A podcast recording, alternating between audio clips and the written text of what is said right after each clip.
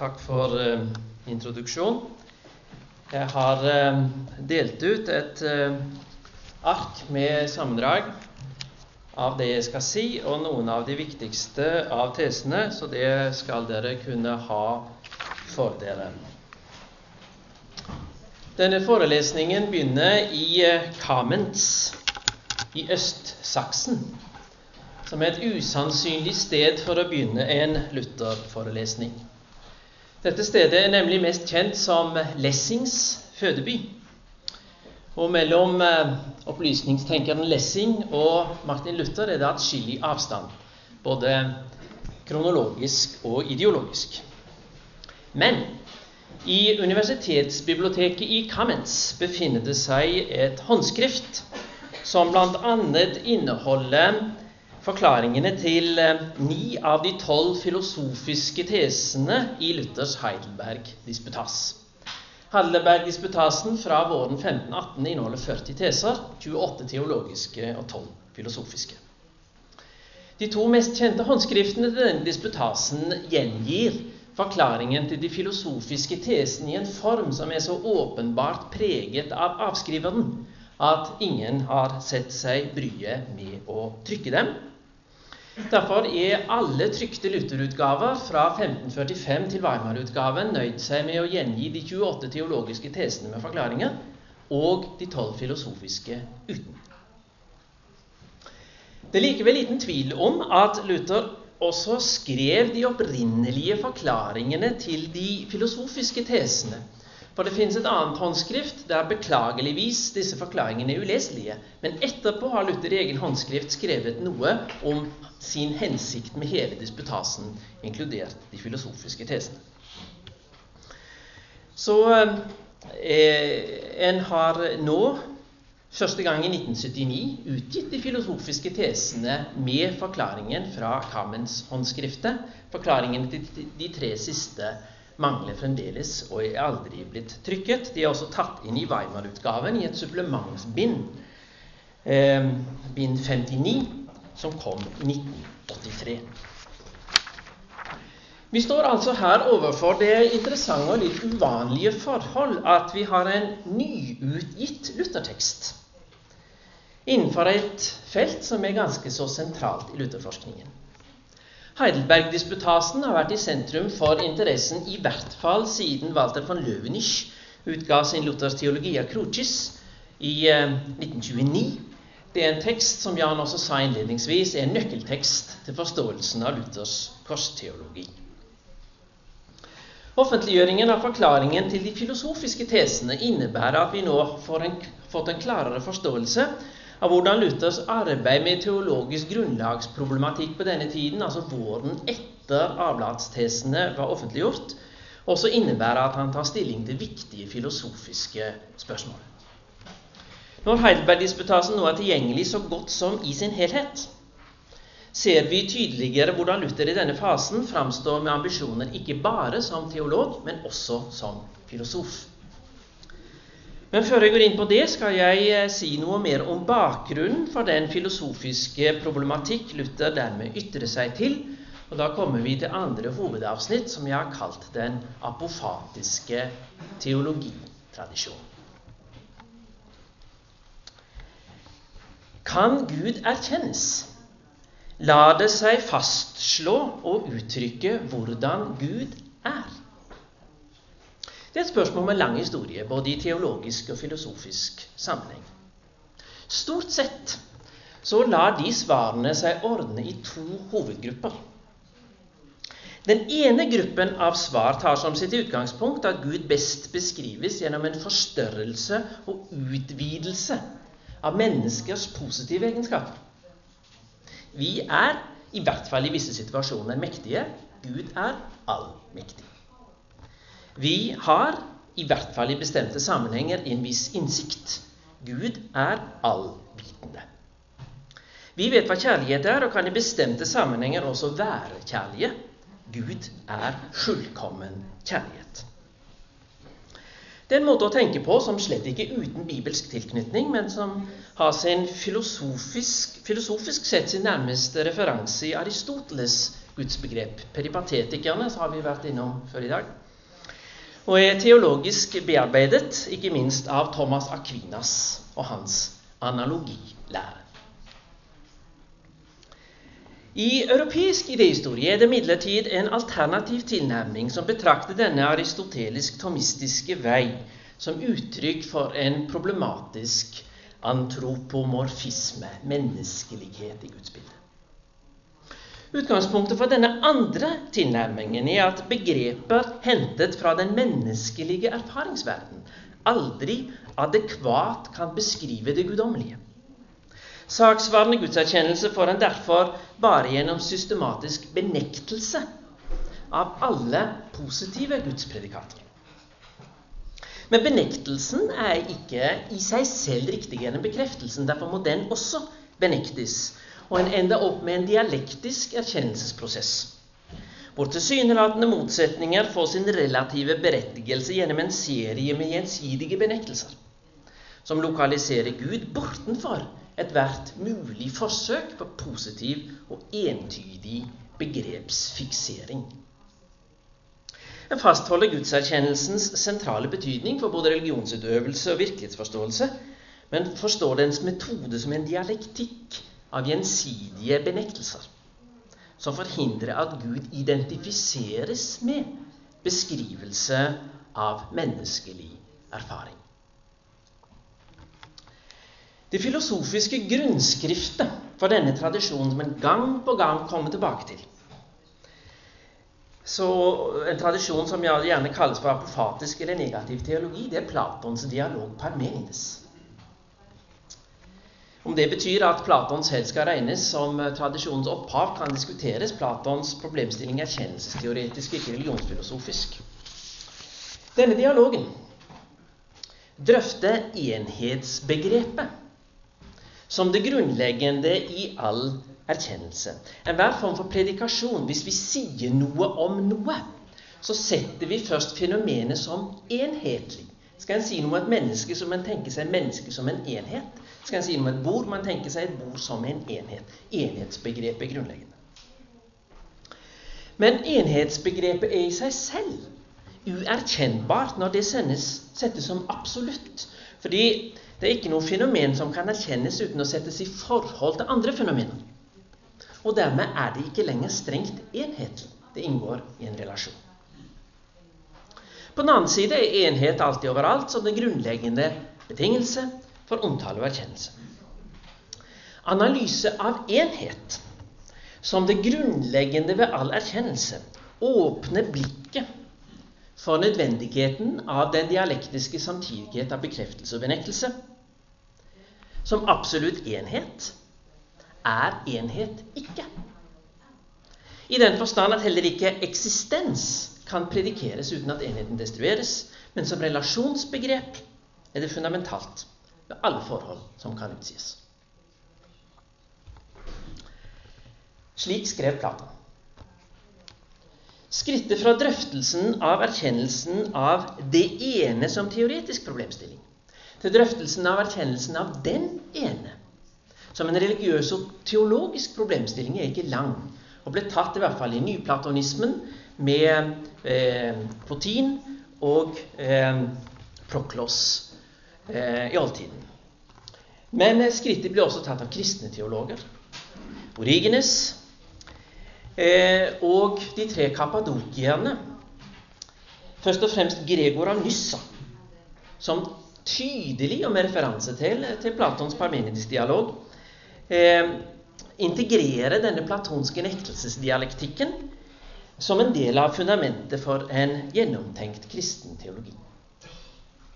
Syntesen krones med skriftene til den såkalte Dionysios Areopagitos på 500-tallet, som gjennom sitt pseudonym søker forbindelse til den forestilling nettopp om den ukjente Gud som Paulus i Aten, apostelgjerningen i kapittel 17, eh, eh, brukte som tilknytning for sin forkynnelse for filosofisk kompetente grekere.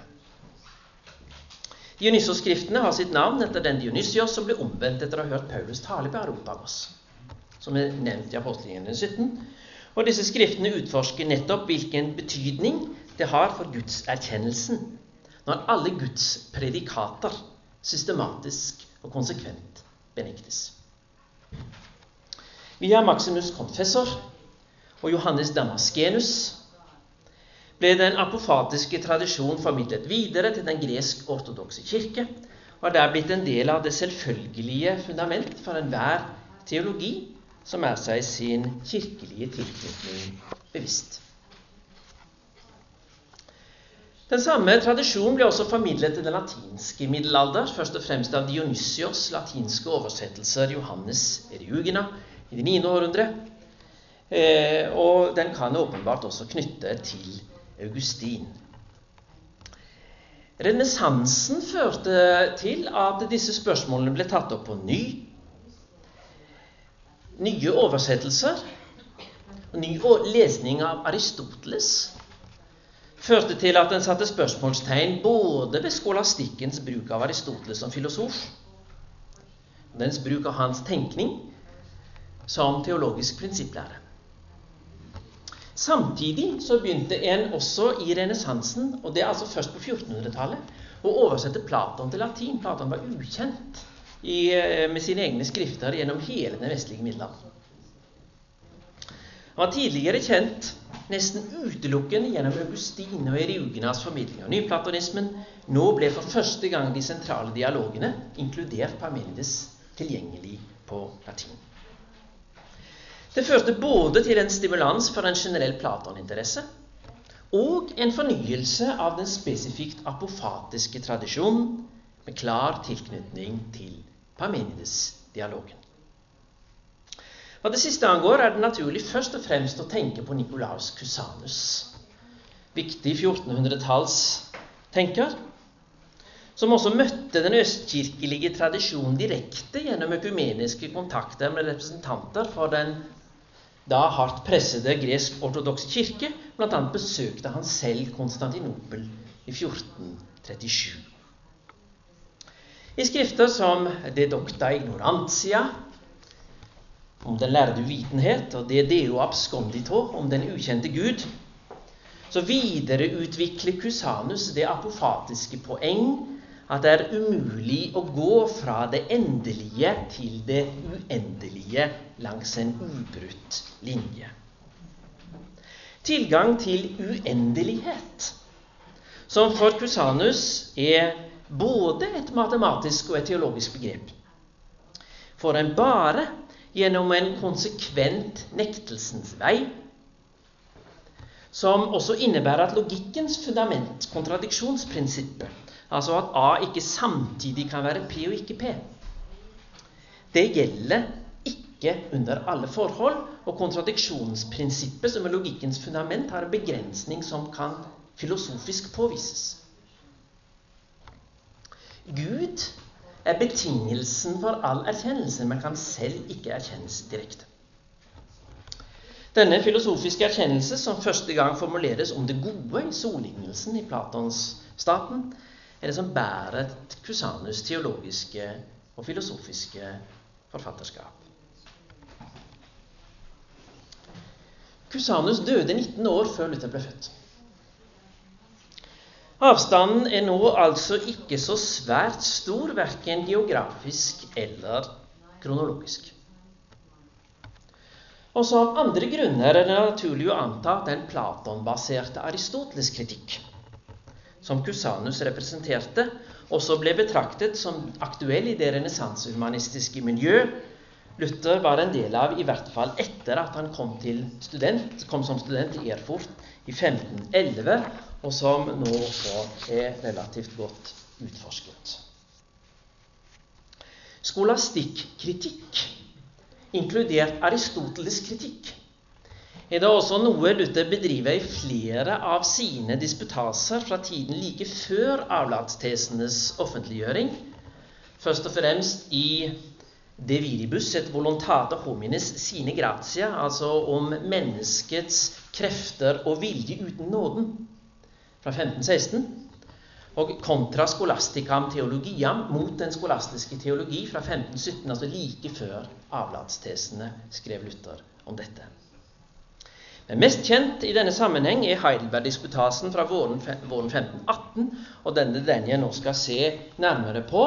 Den historiske bakgrunnen for denne disputasen er at Luther våren 1518 var blitt dagens mann eh, pga. Av avlatstesene. Og hans munkeorden, augustinerne, hadde en samling i Tyskland. Og Luther ble invitert til det som vi ville kalle for keynote speaker. som simpelthen altså, var han som var i, i, nyhetene for tiden, og han skulle holde hovedforedraget, og det var altså Heidelberg-disputasen. Så det er Luthers eh, på en måte programerklæring i sin egen munkeorden i akkurat i den fasen da han var i ferd med å bli reformasjonsleder.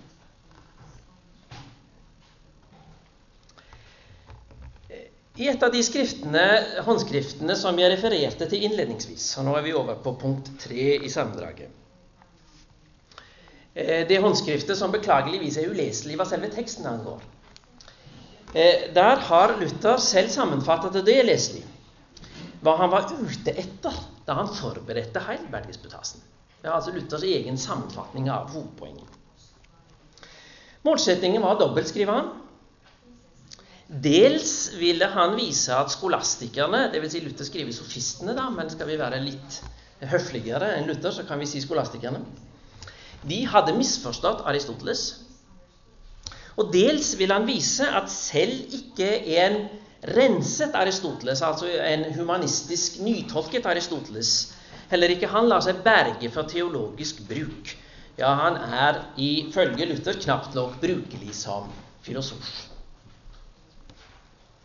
Luther framstår altså som en typisk renessansehumanistisk skolastikkritiker som på grunnlag av forbedrede Aristoteles-oversettelser vil vurdere på nytt berettigelsen av å legge ham til grunn for teologistudiet slik det hadde skjedd til da. Og at Luther betrakter det som et svært betenkelig eh, prosjekt, framgår allerede av den første av de filosofiske tesene, altså tese 29, som sier den som uten fare vil eh, filosofere i Aristoteles, må først bli en dåre i Kristus.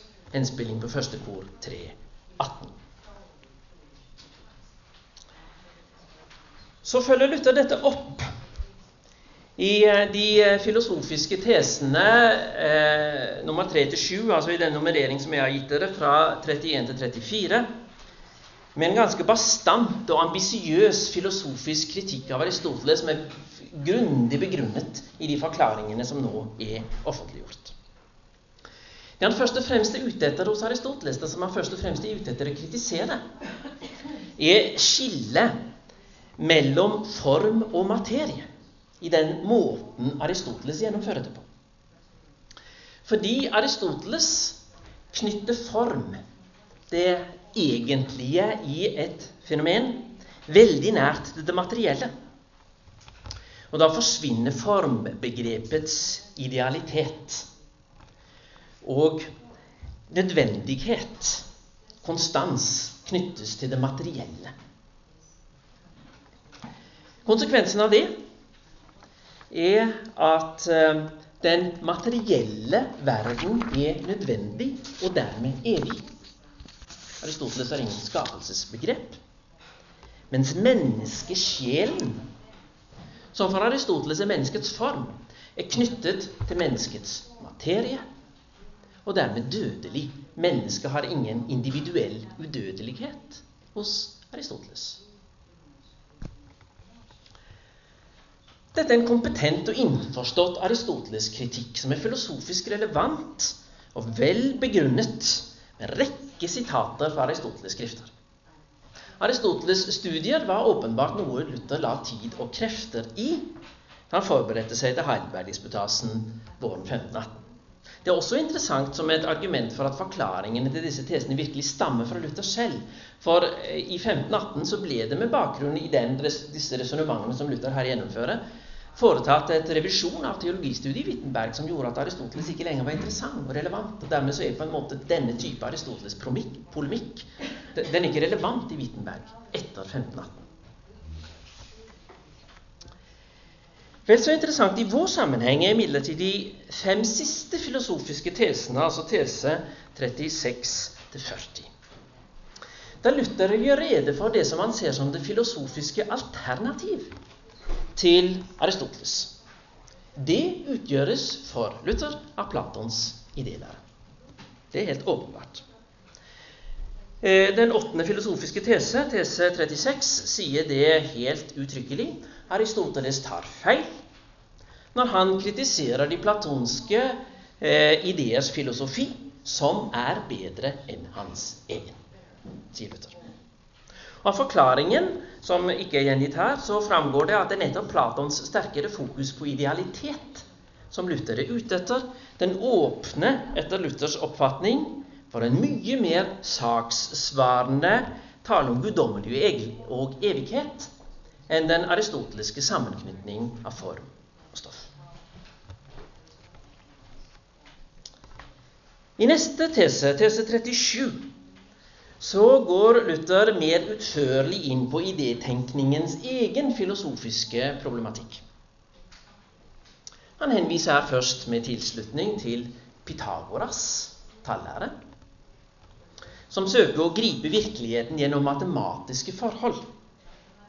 Noe Luther åpenbart oppfattes som en eh, relevant og saksvarende form for idealitet. Typisk platonsk måte å tenke på. Når det gjelder det mer presise filosofiske fundamentet for Platons idélære, så går Luther interessant nok direkte til Parmenides-dialogen, som han gir et kortfattet, men adekvat og presist referat av. I denne dialogen, skriver Luther, fratar Platon først det ene, som det grunnleggende i alle predikater. Eh, som, det som, det grunnleggende i det ta fra det alle predikater, inkludert eksistens. Så tillegger Platon enheten alt, inntil det ikke er noe tilbake i hvilket det ene ikke er. Det ene er derfor samtidig utenfor alt og i alt. Luther føyer så til i tese 10 av de filosofiske tesene, tese 38, at når Aristoteles kritiserer Parmenides-dialogens enhetsbegrep, så slår han i tomme luften, sier Luther, med en allusjon til 1. Korinterbrev 9.26. Det er ganske interessant, syns jeg, på denne måten å møte igjen grunnskriftet for den apofatiske teologitradisjonen. Når Luther prøver å finne ut av de filosofiske sammenhengene for hans egen teologiske nyorientering. For det første er det interessant at Luther åpenbart er klar over at denne dialogens opprinnelige målsetting er nettopp å utforme en prinsipplære som kan fungere som det filosofiske fundament for idélæren og sikre den mot Aristoteles kritikk av den. Da Platon skrev denne dialogen, en av Platons sene dialoger, så hadde Aristoteles allerede framstått som Platon-kritiker. Og I denne dialogen så gir Platon sin eh, fremste elev Aristoteles rett når Aristoteles hevder at en idélære slik Platon tenker seg den ikke lar seg etablere ved induksjon fra erfaring. Men for Platon er alternativet ikke som Aristoteles, for Aristoteles å gi avkall på de idealitet ved å knytte formen til materien. Alternativet for Platon er å styrke elementet av idealitet ved å knytte dets opphav til det uerkjennbare ene, som all konsistent virkelighetsforståelse utgår fra. Luther er altså så mye renessansehumanist at han er i stand til å lese denne Platon-dialogen så kontekstuelt historisk at han ser at dens poeng er å sikre idélæren mot Aristoteles' kritikk av den. Og det er ingen middelalderfilosof eller teolog som er i nærheten av en så innforstått Platon-lesning som det Luther her dokumenterer.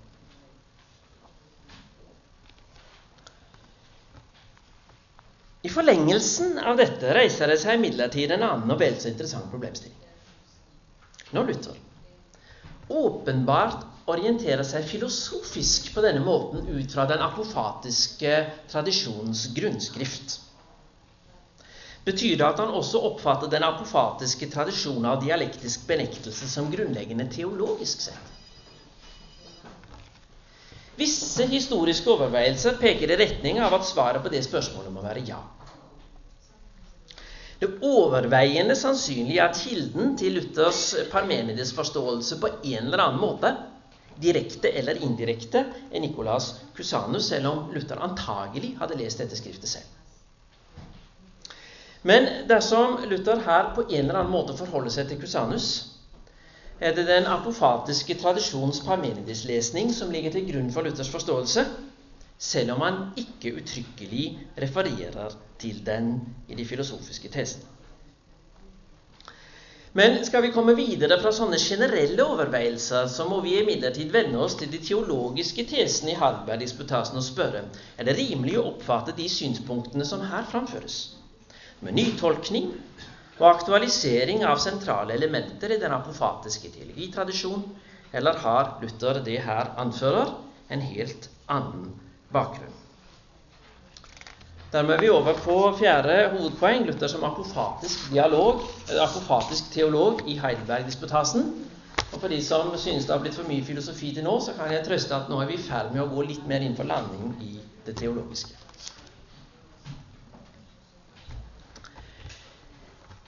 Dersom en kort og knapt skal sammenfatte poenget i de teologiske tesene, altså tese 1-28 i Heidelberg-disputasen, så tror jeg det kan gjøres slik. Stol ikke på det tilsynelatende, for det er ingenting som er slik det synes å være, i hvert fall ikke noe viktig. Det er et poeng som Luther her gjennomfører i tre forskjellige sammenhenger. Eh, de dreier seg om gudsforståelse, menneskesyn og åpenbaringsforståelse. Han begynner i TC1 med Guds lov. Guds lov må i utgangspunktet antas å være en helsebringende leveregel. Men den kan ikke føre noen til rettferdighet. Disse tre menneskenes gjerninger kan synes å være vakre og gode. De er imidlertid dødssynder. Pacata mortale. Guds gjerninger derimot synes onde når han fører oss inn i anfektelser og prøvelser. Men de er i virkeligheten udødelige fortjenester. Når Gud handler gjennom mennesker, er det han gjør, samtidig synd og fortjeneste. Tese 6. Og sammenfattende tese 20 fordi intet er slik det synes å være, er veien gjennom lidelse og kors den eneste veien til Gud. Det er derfor bare korsteologen som sier det slik det er. Tese 21. Herlighetsteologen derimot dømmer ut fra det tilsynelatende, ender derfor opp med å kalle det onde godt og det gode ondt.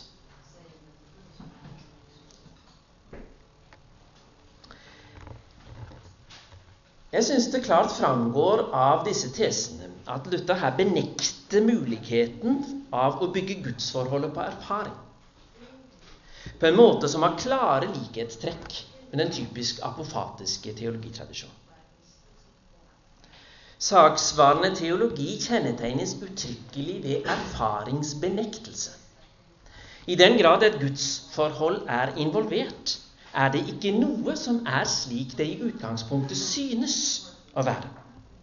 Den som vurderer etter det tilsynelatende, vurderer derfor alltid feil. I forklaringen til tese 25 slår Luther så en bro til de etterfølgende filosofiske tesene ved å peke på at Aristoteles er en filosof som i sin erfaringsnærhet, som er både Aristoteles' styrke og svakhet som filosof, nettopp bygger på det tilsynelatende. Aristoteles hevder nemlig at prinsippet 'øvelse gjør mester' også gjelder når det gjelder tilegnelse av rettferdighet. Guds rettferdighet oppnås imidlertid kun ved den tro på Kristus som har benektelse av egne gjerningers relevans som sin uttrykkelige forutsetning. Luther er klar over at denne benektelsen av det tilsynelatende ikke gjelder i enhver sammenheng. Benektelsen av gjerningenes godhet innebærer ikke at de er å forstå som forbrytelser. På typisk apofatisk vis så gjentar imidlertid Luther med trettende tydelighet at selvfornektelse er eneste vei til Gud.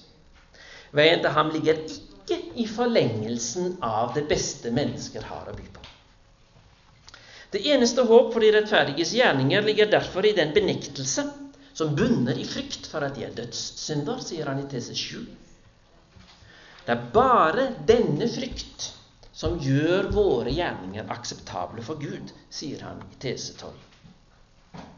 Og i tese 18 det står derfor fast at et menneske må fortvile fullstendig med hensyn til seg selv for å bli skikket til å oppnå Kristi nåde.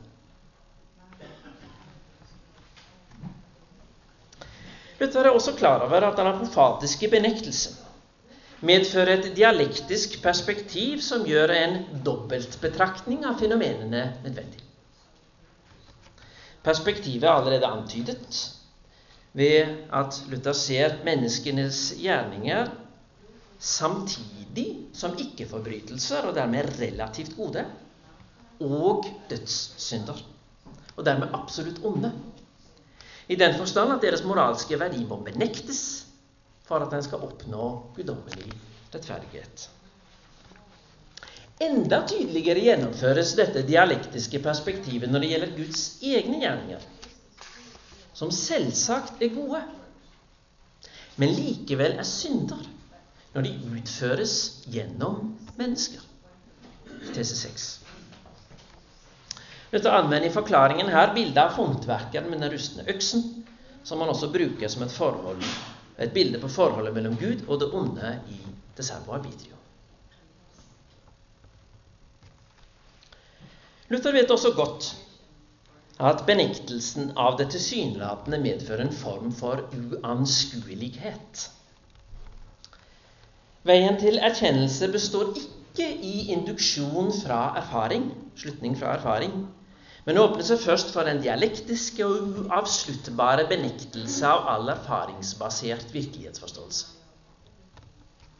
At dette er slik, vet Luther som skriftteolog. Benektelsen av det tilsynelatende er derfor også en dialektisk prosess som hører intimt sammen med tanken om Skriften alene. Men det er åpenbart viktig for Luther å vise at denne benektelsen av det tilsynelatende, som jo bringer ham i klar motsetning til Aristoteles, som teologiens filosofiske samtalepartner, ikke dermed nødvendigvis står i motsetning til filosofisk, altså fornuftsbasert erkjennelse i og for seg.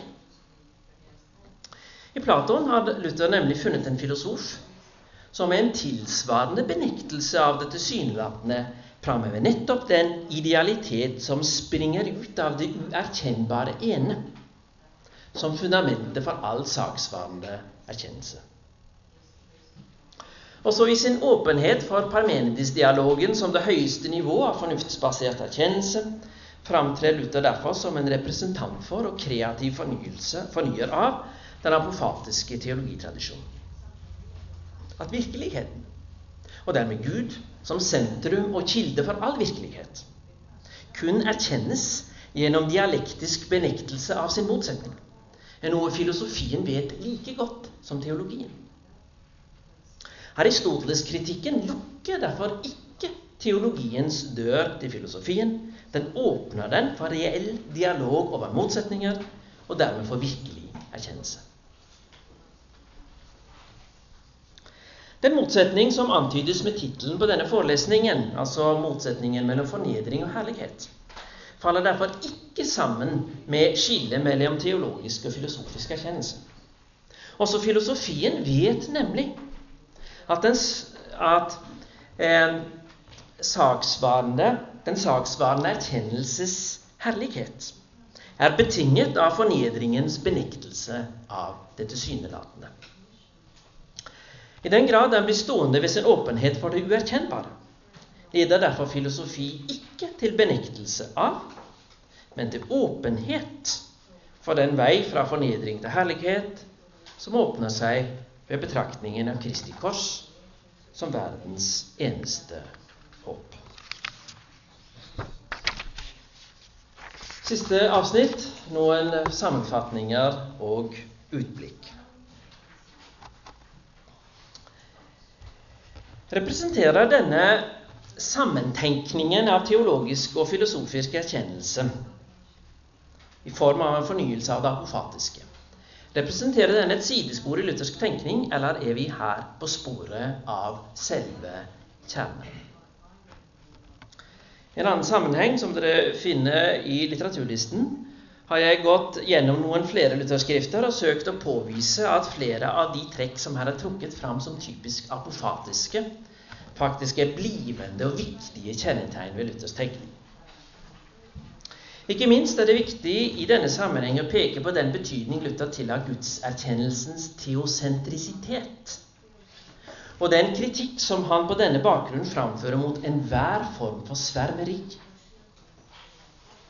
Erfaringsbaserte gudspredikater har bare begrenset relevans, og en gudslære som baseres på dem, er falsk. Sakssvarende gudserkjennelse må knyttes til den åpenbaring av Guds vesen som utgår fra Gud selv. Og den finnes på kristne premisser ikke noe annet sted enn i en kristosentrisk fortolkning av den bibelske kanon. Det er Kristus som er Guds ord. Og, derfor, og Det er derfor vitnesbyrdet om ham fra de vitner som han selv autoriserte, som er det eneste reelle holdepunkt for saksvarende Guds erkjennelse. Det betyr ikke at Gud har sagt alt om seg selv. Også i sin åpenbaring forblir han den uerkjennbare. Det er et poeng som Luther i sin Deus absconditus-lære i De Servo abitrio uttrykker skarpere enn noen annen vestlig teolog. Men den konsekvens som Luther utleder av det, er ikke at når Gud er uerkjennbar, så får enhver tenke som han vil. Luthers poeng er akkurat det stikk motsatte. I klar kontinuitet av den kritikk av det spekulative som er et av den apofatiske tradisjonens viktigste kjennetegn, så fastholder Luther at nettopp fordi Gud er og forblir ukjent, må troen med desto større lidenskap klynge seg til det han faktisk har sagt. Den betydning dialektikk mellom motsetninger spiller i Luthers tenkning, peker også i retning av det apofatiske. Luther er blant de tenkere som alltid betrakte en enkel beskrivelse av fenomenene som er utilstrekkelig, på en måte som viser tydelige likhetstrekk med enhetsdialektikken i Parmenides, så fastholder han at virkeligheten først åpner seg for oss gjennom fastholdelse av gjensidige benektelser. Gud er åpenbart og ukjent. Den åpenbaring han gjør seg kjent for oss ved, er krav og gave eller lov og evangelium. De mennesker som i tro klynger seg til Hans åpenbarte ord, er syndere og rettferdige. Begge deler samtidig, og det ene bare hvis de også er det andre. De gjerninger Gud så gjør gjennom dem, er gode og syndige. Guds uforanderlige utvelgelse står fast fra evighet, samtidig som mennesker har ansvar for det de gjør, og i bestemte sammenhenger også reell valgfrihet. På alle disse punkter gjelder det at om dialektikken oppløses, man prøver å fastholde den ene siden av saken i begrepslogisk entydighet, så blir poenget borte. Det hele forsvinner i en serie av selvfølgeligheter som gjensidig oppløser hverandre.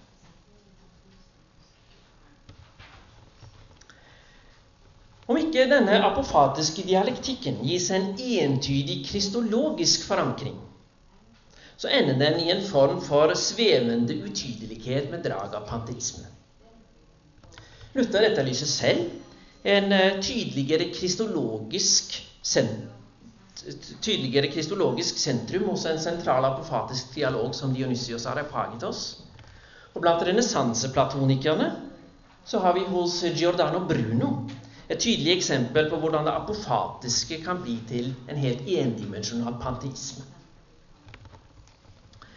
Men Luther later ikke til å oppfatte dette som en nødvendig konsekvens av den apofatiske tilnærmingen.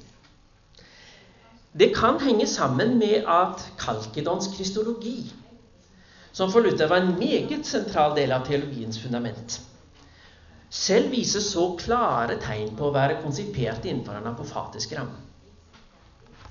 Den ene person med to naturer er i seg selv et utgangspunkt med klare trekk av uanskuelighet og erfaringsbenektelse. Og, Kal og Kalkedon-bekjennelsen selv forankrer dette i en rekke av fire adverb som knapt kan overgås hva dialektiske negasjoner angår.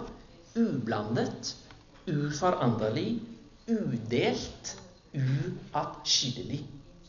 Kristologien apofatisk uttrykt som benektelse.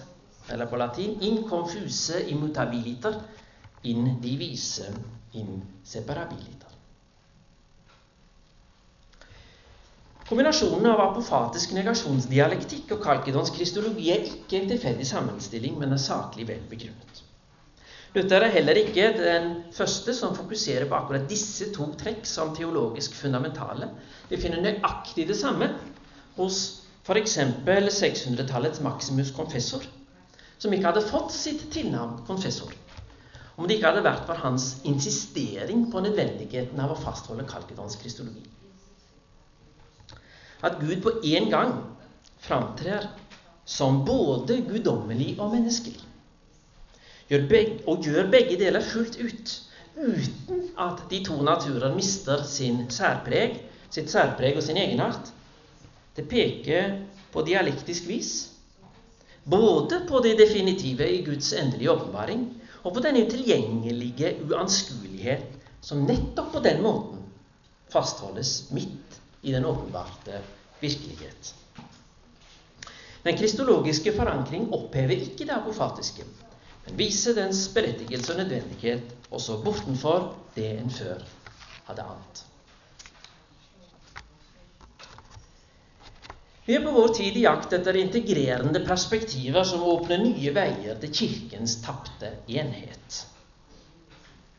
Jeg undres på om ikke vi i forståelsen av Luther som representant for den apofatiske tradisjon har et genuint økumenisk perspektiv som på en ny måte kan åpne veien for oss både til deler av den romersk-katolske tradisjonen, som ikke er så bundet til det skolastiske og tridentinske aristotelisme at det ikke finnes alternativer, men først og fremst til den gresk-ortodokse, som alltid har levd i denne tradisjonen.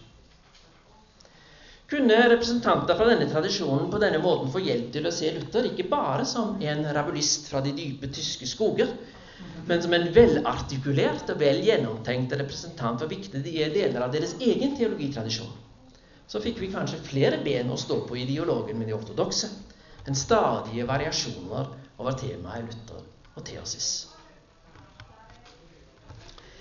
Men den viktigste praktiske konsekvens av Luthers sans for benektelsens dialektikk tror jeg ligger i dens understrekning av betydningen av gudstjenesten og det liturgiske.